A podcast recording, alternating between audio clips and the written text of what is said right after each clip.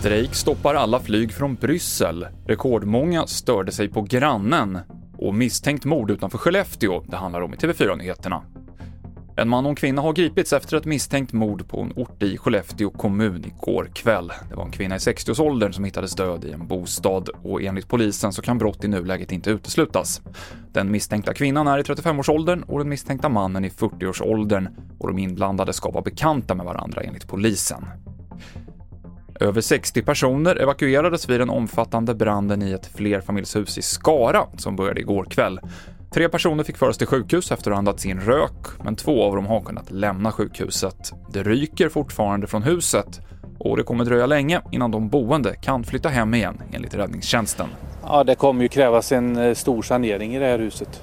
Sen, eh, jag vet inte hur omfattande vattenskador och så är, men översta planet är ju värmepåverkat ifrån branden på taket och där finns det säkert vatten också. Men sen har vi försökt begränsa vattenanvändningen så mycket som möjligt hela tiden under insatsen egentligen. Går det att säga något? Vad tror du hur lång tid det tar innan det är klart att flytta tillbaka in hit? Ja, man kan ju bara gissa. Det, men det handlar säkert om månader. Det sa Roger Almgren på räddningstjänsten till vår reporter Pelle Larsson.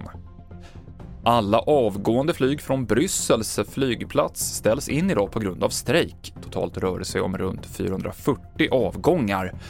Det handlar om att anställda på ett säkerhetsbolag strejkar, något man befarade skulle leda till åtta timmars väntetid för att komma igenom säkerhetskontrollerna och därför ställdes samtliga flighter in. Och anmälningarna till störningsjouren slog rekord förra året visar ny statistik. Den vanligaste orsaken är fester och hög musik, men det kan även finnas en pandemieffekt. Det klagas nämligen mer på klamp och duns och spring i lägenheten, vilket kan bero på att flera arbetat hemifrån och att man inte varit van vid att höra ljud från grannen under många timmar i sträck. Senaste nytt finns på tv4.se, i studion Mikael Klintevall.